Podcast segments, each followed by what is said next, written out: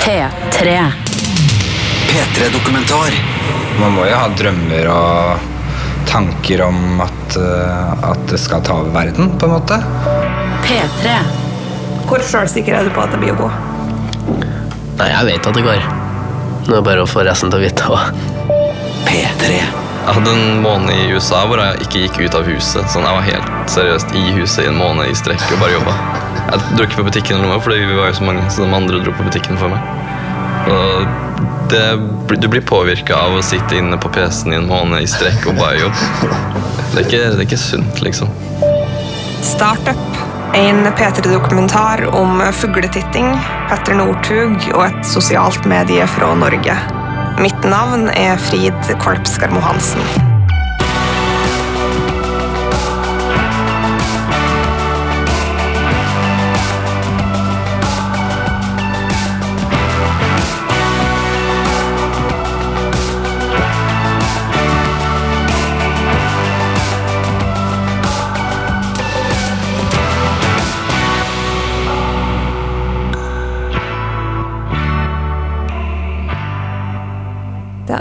Fredag den 15. september, og vi befinner oss i den kinesiske storbyen Shenzhen. Den er rett ved Hongkong. Eh, Blir sett på som Kinas Silicon Valley. Han som snakker her, han heter Kristoffer Lande. Og i denne historien så ligger han og sover på et veldig fancy hotell, utstrakt på rygg, i en dam av hurtignudler. Han jobba 19 timer i går, og da har han gjort flere dager den siste uka. Torsdag kveld eh, så tror jeg vi holdt på til godt over to. Eh, Så jeg laga meg en eh, ja, sånn derre nudler. eh, Som du bare heller oppi varmt vann i, og så vips. eh, Som jeg skulle spise da før jeg la meg. Og så våkna jeg av alarmen klokka åtte, tror jeg, i en nudelpytt. For da hadde jeg sovna fra nudlene som hadde bekka over meg. Eh, jeg var sliten. Norge er kanskje ikke et land som er kjent for sin gründerånd. Men ser du på tallene, er det mye som tyder på at dette er i ferd med å endre seg. Vi er inne i en gründerbølge, og denne bølgen er Kristoffer Dela. Han er 23 år og CEO for Gobi. Appen han håper skal bli det neste svære sosiale mediet. Hvor sjølsikker er du på at det blir å gå? Nei, jeg vet at det går. Nå er det bare å få resten til å vite òg. Det er derfor han nå er her, i Kinas Silicon Valley. Han eh, vil finne ut om Gobis eh, store gjennombrudd kan komme på det kinesiske markedet. Tror du at man må være sånn, eller ha den graden av selvsikkerhet for å få det til å funke? Hadde jeg ikke hatt 100% trua på det, så tror jeg ikke vi hadde holdt på fortsatt. Og det tror jeg gjelder for alle. Historien om hvordan Kristoffer ender her, på et fancy hotell i en pøl av hurtignudler, om en drøm om å slå gjennom i Kina, det er en fortelling med alle de rette ingrediensene. Petter Northug, penger, fugletitting og ikke minst intenst lange arbeidsdager. Jeg hadde en måned i USA hvor jeg ikke gikk ut av huset. Sånn, Jeg var helt seriøst i huset i en måned i strekk og bare jobba. Jeg dro ikke på butikken eller noe, fordi vi var jo så mange, så de andre dro på butikken for meg. Alt det her skal vi komme tilbake til. Men først må vi ta turen til Gobis hjerte. Hei, hei. Hei, Frid. Kom opp i andre. Det er den 19. september, og vi befinner oss i en tidligere ambassade rett ovenfor Slottet i Oslo. Hallo! Velkommen, velkommen. Tusen takk. Fancy strøk dere holdt deg i. Det er her Gobi har kontor. Og en god porsjon av de ansatte, de bor òg her. Men hvor mange av dere er det som bor her? Nå er vi Fire. fem, Fire. Fem. Fem. Fem. Fem. Du bor der. Fem med Kristoffer, ja. Til sammen så har Godby elleve ansatte på fulltid. Noen og 20 hvis du teller med de som jobber deltid. Og alle er gutter i starten av 20-årene. For en omvisning, eller? Klart det. Det er Stian som er guide. Jeg tar sånn. Jeg har tross så flest plasser her. Er overalt der, ja. Har du sett ballrommet? Kontoret det har et eh, møterom som er gjort om til ballrom. Oi, det var faktisk litt deilig. Det var dritdeilig. Og så har de da som eh, de kaller plantehjørnet. Um, så her prøver vi å gro paprika. Chili. Den har jo kommet seg til stykket. Og så avokadotre, da, selvfølgelig. Vi går over gangen til kjøkkenet, og Stian forteller meg at de kjøper inn all mat felles i stort kvanta. For et par uker siden så kjøpte de 76 liter juice i én smell. Lager dere noe mye middag, eller er det Du har middagslista der. Så personen med minst middagspoeng må da lage middag. Men man trenger ikke være så avansert, da. Nei, noen gjør det enkelt. eh, Sånn som f.eks. å lage thai. Det er også Take away. Nei, det er nudler. Det Ja. Kjøkkenet da dobles som møterom. På veggen så henger det whiteboard, og i et hjørne så står det sekkevis med proteinpulver. Vi prøver jo å trene og jobbe. Det er egentlig det vi stort sett gjør. Så da har vi bøttevis med proteinpulver og weight gainer og alt mulig rart. Er det ikke mer digg å spise vanlig mat, liksom? Nei. Nei. Nei, nei det sa jeg Du spiser jo vanlig mat òg. Jeg spiser vanlig mat også, men det blir så slitsomt da, det å tygge alt. Og... Jeg hadde faktisk, Hvis jeg kunne drukket nesten alle måltidene, så tror jeg jeg hadde gjort det. Bortsett fra middag.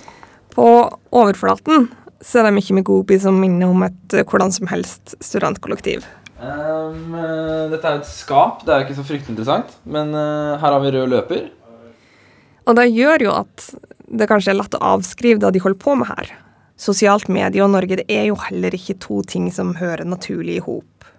Og da er Kristoffer, eh, han som lå i en pøl av nudler i starten, fullstendig klar over. Det å bygge et sosialt medie, eh, det er veldig vanskelig å gjøre i Norge, for det er nesten ingen som har gjort det før. Eh, det eneste sosiale mediet tror jeg er Nettby, og det gikk jo som det gikk. Samtidig så er det ting som taler for at vi burde ta det guttene driver med her, på alvor. I 2016 omtalte Huffington Post Gobi som en av Skandinavias mest lovende startups. De kaller de en utfordrer til Snapchat. Og i mars i år så ble selskapet verdsatt til 124 millioner kroner. Det er klart man møter mye skepsis, eh, men det er jo det som er så fint òg, for det betyr jo at ingen andre gjør det. Det er jo en motivasjon for oss òg, å på en måte bevise at det er faktisk mulig å få det til.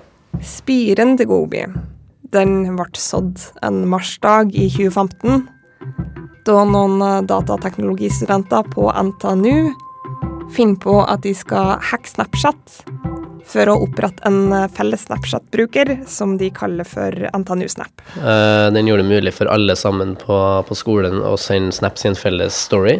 Eh, Der fikk vi mellom 4000 og 5000 brukere de første 24 timene. Helt til Snapchat stengte oss ned. De oppretter en ny bruker og blir på nytt stengt ned. Men ideen om Gobi er nå født. En tjeneste som gjør det mulig å snappe i gruppa. Det gjorde at vi så at det var Det var jo et kult konsept. Snapchat ville ikke løse det, så vi bestemte oss for at vi ville gjøre det. Siden du er i framtida, så kan du sikkert se at det er et svært problem med denne ideen. Nemlig at Snapchat har en gruppefunksjon.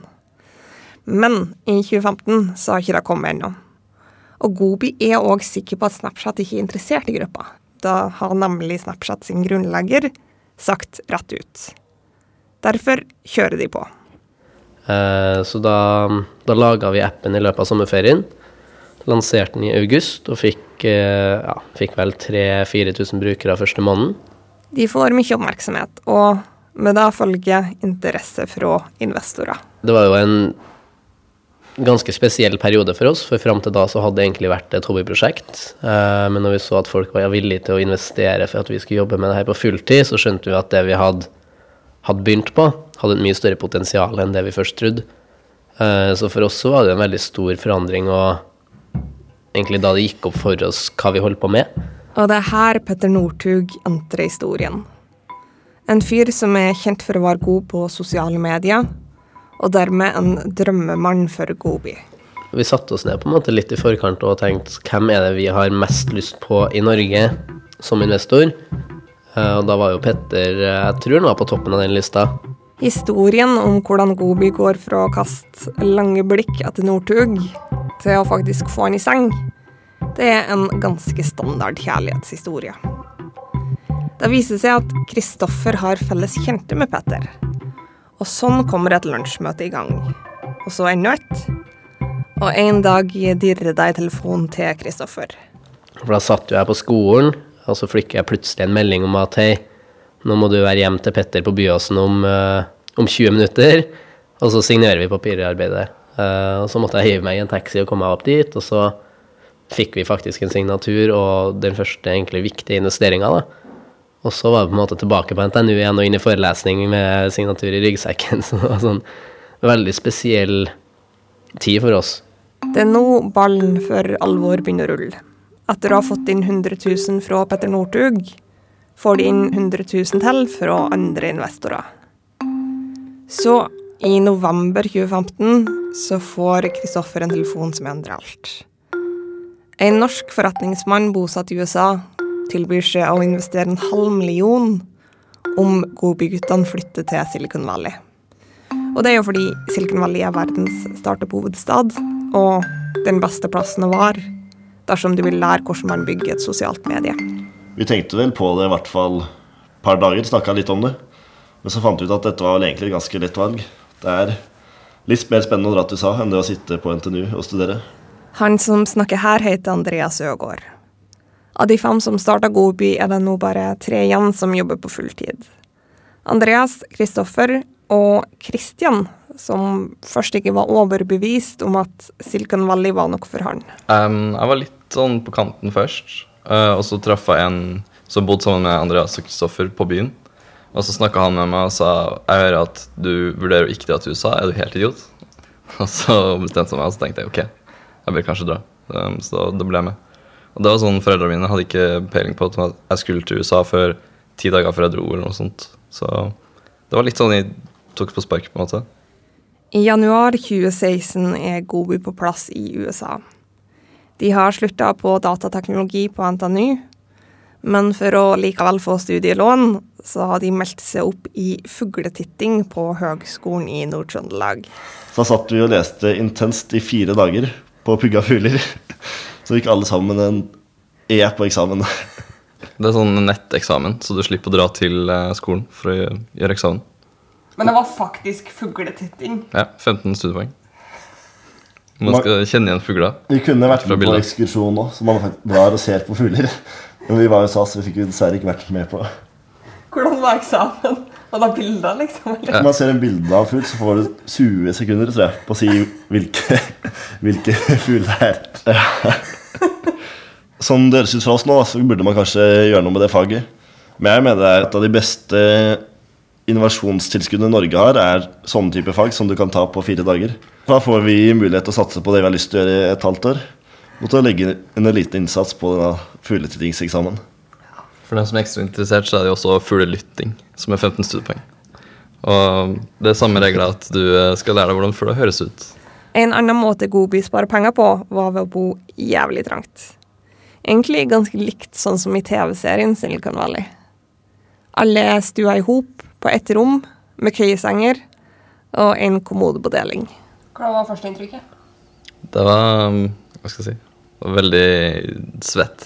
Mye sånn eh, andre folk fra andre startups som også bodde sammen med oss. På det meste bodde jo 14 folk i det huset totalt. Vi hadde på en måte det huset som kontor og et sted vi bodde, sånn som her. Men de andre var på jobb, og så kom de hjem. Så vi satt på en måte på eh, stua på benkene der og jobba hele dagen. Fra de sto opp til eh, de kom hjem. Egentlig skulle Goby være i USA i bare tre måneder, men det ender med at de var der i ett år mens de utvikla en ny versjon av appen. På nyåret i år så flytta de tilbake til Norge. Og da videreførte de ordninga med å bo og jobbe i samme hus. Så det var litt sånn økonomisk eh, løsning. Fordi vi ser at det er ikke så lurt å ha fire-fem forskjellige leiligheter, for det blir ganske dyrt hvis du skal betale for alt det på lønn, pluss at vi må ha et kontor. Det er imidlertid ikke alle de ansatte som er like åpen for å leve det trangbodde startup-livet fullt ut. Det er jo litt vanskelig å ha sex, da. Hvis man må dele rom med noen. Men uh, Begynner vi å komme dit at det er ett rom hver, da ja, altså, hadde jeg hatt mitt eget rom, så hadde jeg lett bodd her. Men uh, nei. Jeg hadde ikke flytta inn her og putta en sokk på døra, for å si det sånn. Jeg hadde en ordning med Lars der hvis han kom hjem en kveld og skulle ha rommet, så kunne han bruke det kortet én gang i måneden. Så kunne han kaste meg ut på sofaen. Det var, det var greit. Men mer enn det, det ble, det ble for mye, altså. Det var sexkvoten. Han kunne bare Ja, én gang i måneden. Hæ? Kunne han ha sex bare én gang i måneden? Han kunne kaste meg ut en gang i måneden. Han kunne ha sex mens du var der? Han kunne jo ha sex mens jeg var der, selvfølgelig, men, eh, men hvis ikke våkner, så har jeg ikke lagt merke til det, da. Så det er greit. Så det ikke lukter helt for jævlig på rommet dagen etterpå, så er det greit. Alle du hørte snakke her, er nye ansatte. Siden Gobi flytta tilbake til Norge, har fem stykker blitt ansatt på fulltid, og de har fått inn flere millioner i investeringer. Det er til tross for at man kanskje skulle tro at Gobi fikk et dødelig skudd for bøygen i desember 2016, da Snapchat introduserte gruppefunksjonen. Og i retrospekt så er det jo lett å se at ideen som la grunnlaget for Gobi, den var ganske dårlig. For det er, en, det er en ganske dårlig idé å lage et produkt som ligner på noe annet, men med en liten twist. For det, da konkurrerer du indirekte med det produktet. Men eh, det er ting man ikke vet som student på eh, NTNU, hvor du aldri har vært borti en oppstartsbedrift eller noe som helst. Her uh, hører du Christian. Men da måtte jo være litt nedtur, da. Eller Ja, det er litt kjipt, fordi nå begynner man å innse at nå er konkurransen med de store plattformene enda mer enn vi trodde den var først. For nå er de plutselig mye mer inn på de funksjonalitetene vi har. Så det er litt kjipt, men samtidig gjør det lettere å på en måte avdanke en idé. da, og Si at ok, vi trenger ikke å satse på vennegruppa, da, fordi det, det markedet der er på en måte tatt. Men så finnes det alltid andre ting som ligger nært det vi driver. da. Så i stedet for å satse på private vennegrupper, fokuserer Gobi nå på fotballklubber, kjendiser, bedrifter og andre grupper som har en fanskare eller målgruppe de vil nå ut til. Nå skal du bades. De har dessuten begynt å eksperimentere med interaktiv TV i storyformat. Foreløpig så har de laga noe som de kaller Hunger Games, og det er da du har lyd fra her. Der så dere nettopp deltakerne som er med i FO Hunger Games. Hunger Games det går ut på at tolv deltakere får ulike utfordringer de skal løse, og så kan de som ser på, stemme på den de synes bør gå videre. Å, herregud, det var høyt. Elias, slå dritten din. Den nye satsinga gjør at mange av Gobis ansatte nå jobber med markedsføring. Noen jobber opp mot fotballklubber eller bedrifter, mens andre holder på med underholdning. Hallo? Uansett så handler det om å sørge for at Gobi har bra innhold. Hva arbeidsoppgavene består i, det varierer likevel stort. I dag eksempel så prøver Stian å få tak på en slange. Jeg hører at du er der fortsatt. Ha, nå legger jeg en telefonsvarer sånn som han sa at jeg ikke skal gjøre. Unnskyld. Hello, this is Snake. Ha det. Jeg kan ikke fortelle helt hva jeg skal med denne slangen, for det er litt hemmelig. Og uansett så er det en del ting som tyder på at han ikke lykkes. Men eh, det er jo bare å dra bort på Reptilparken, da. Hva var åpningstidene? Jeg føler jeg klarer å pitche den mye bedre hvis jeg bare er der. Hvordan skal du pitche da? det? Hvis du pitcher det? Til de? Nei, altså du må jo Du, du må ikke si hele sannheten, for å si det sånn. Du må jo si Nei, vi skal eh, Vi har en liten sånn eh, reklame som skal vi ha for en app, og, så vi trenger en slange. Eller to. Og kanskje en ape, hvis du har det. Er det noe vi, er det noe vi kan løse her? Ape a- Ja, de har ape. Så sier de sånn her Ja, har du noen spesiell erfaring? Ja, jeg har masse erfaring. Altså, Faren min har drevet med reptiler i alle år. Og eh, han bodde litt i Afrika og har vært ganske tett på med aper. Så dette her føler jeg at det, det her er jeg veldig godt egnet for. Og så sier de ja, ja, selvfølgelig, herregud. Og så vi blir med deg. Og så sier de, Nei, du trenger ikke gjøre det. Du har sikkert masse å gjøre her. Bare bli igjen, du. Jeg, jeg tar dette her. Og så sier de ja, greit. Så får jeg med meg to slanger og en ape. Du ødelegger livet mitt! Nei! Nei! Nei! Sett fra utsida så virker det jo sykt artig å jobbe i Gobi. Flere av de som jobber her, har til og med blitt rekruttert på fest. Var det, var det her, eller? Var det, det, var her, ja. det kan ha vært et lite vors, og så sammensveisa de det samme et jobbintervju. Ja, altså på en måte, men eh, vi tok et ordentlig jobbintervju etterpå. Ja. Noen dager, uker senere. Jeg føler at det som var på festen, teller mer. Ja, kanskje. Christian og Andreas har òg noen ganske saftige historier å fortelle fra USA. Sånn f.eks. om den gangen de tilfeldigvis havna på samme Superbowl-fest som Justin Bieber. Så for å komme oss inn, så måtte vi snike oss inn.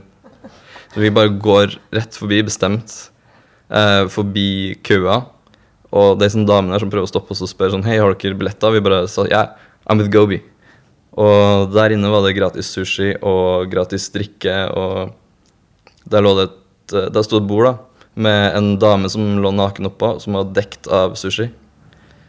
Litt av hemmeligheten er jo at de som er der, er så vanvittig viktige måte, og folk må ha respekt for. da. Så når vi kommer der og later som vi gjør hjemme, så tør de ikke stoppe oss. De regner med at vi også er kjent for et eller annet. Men da jobb i startup har òg ei anna, mindre glamorøs side. Jeg hadde en måned i USA hvor jeg ikke gikk ut av huset. Sånn, Jeg var helt seriøst i huset i en måned i strekk og bare jobba. Jeg dro ikke på butikken eller noe, fordi vi var jo så mange, så de andre dro på butikken for meg. Og det, du blir påvirka av å sitte inne på PC-en i en måned i strekk og bare jobbe.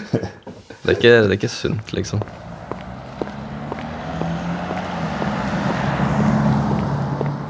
Det er den 20. september. Seint i går så kom Kristoffer tilbake fra Kina. Så er det sånn På værmeldinga så står det ikke 'i dag er det fint vær, sol og 33 grader'. Det står liksom 'i dag er det usunt'.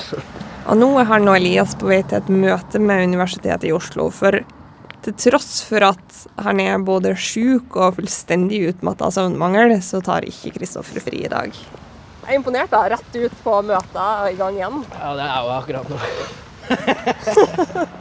Målet med Kinaturen det var å finne ut om Gobi kan få innpass på det kinesiske markedet. Både Facebook, Instagram, Twitter og Snapchat er blokkert i Kina. Men Kristoffer har likevel trua. Ja, jeg har egentlig det. Men det eneste, eneste problemet er, sånn som jeg ser det, eller det er to problem, det er at vi må komme oss forbi reguleringene, som kommer til å koste mye, og kanskje ikke gå.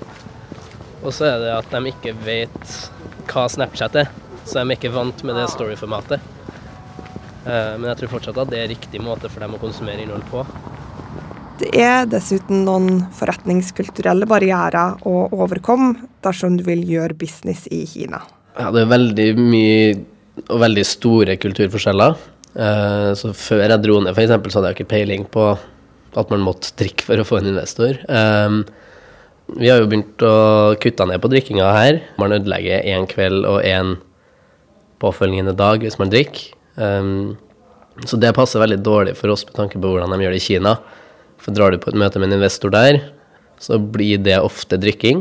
Um, og hvis du ikke følger opp shotsa, uh, så blir du sett ned på. Og hvis du sier nei til å drikke, så må du gjøre det før man begynner, uh, og da blir du ikke respektert. Så skal man lande en deal der, så må man være uh, god til å drikke. Ja, for du må drikke, liksom. Ja, hvis du har lyst til å gjøre business i Kina, så, så må du fort det. På tross av alt det her er Kristoffer optimistisk. Han har nemlig allerede snakka litt med Tencent, eieren av WeChat, som er Kinas største sosiale medie. Og dersom de er interessert i et samarbeid, er Gobi klar for å etablere Kina-kontor allerede neste år. Ja, det må vi gjøre hvis vi, hvis vi satser. Skal du flytte til Kina, da? Eller en av dere? Mulig. Det er, ikke, det er vanskelig å satse i Kina hvis man bor i Norge. Har du lyst til det? Jeg har alltid hatt lyst til å lære kinesisk, så ja.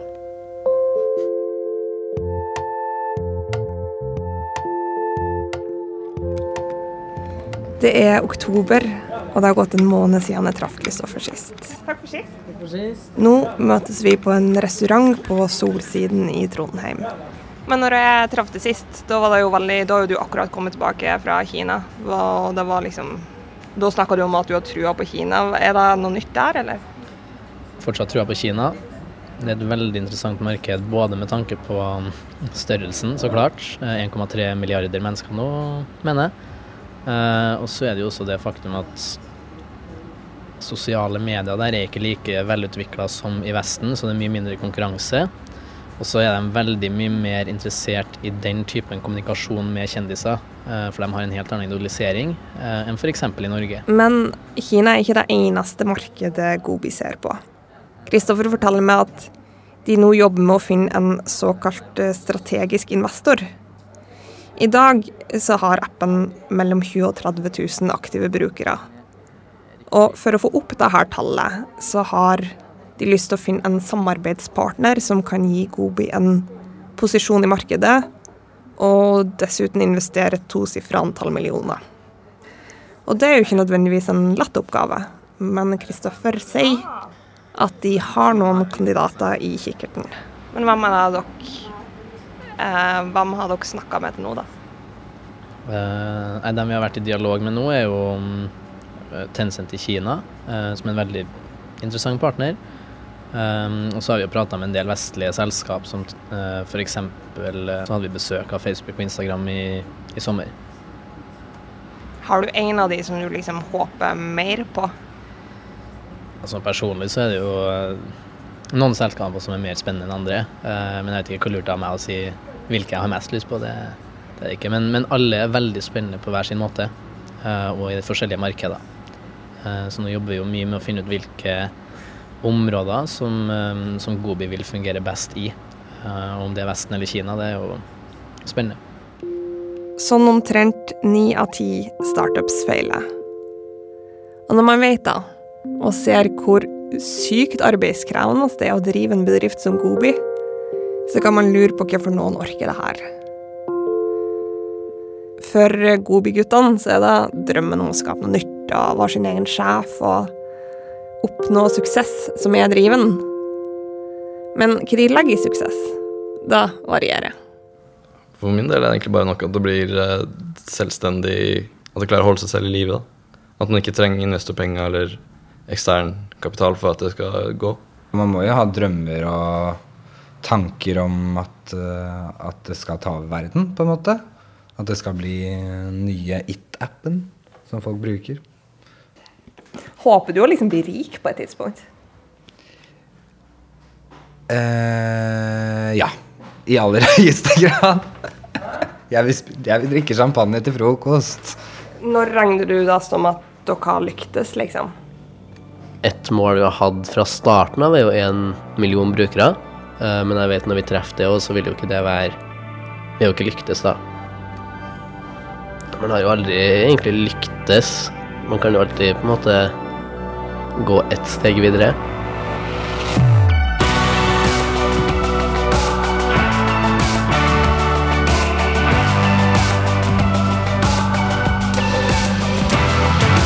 P3-dokumentar. Søndag klokka ni på P3. Se, les og lytt mer til denne historien når du vil.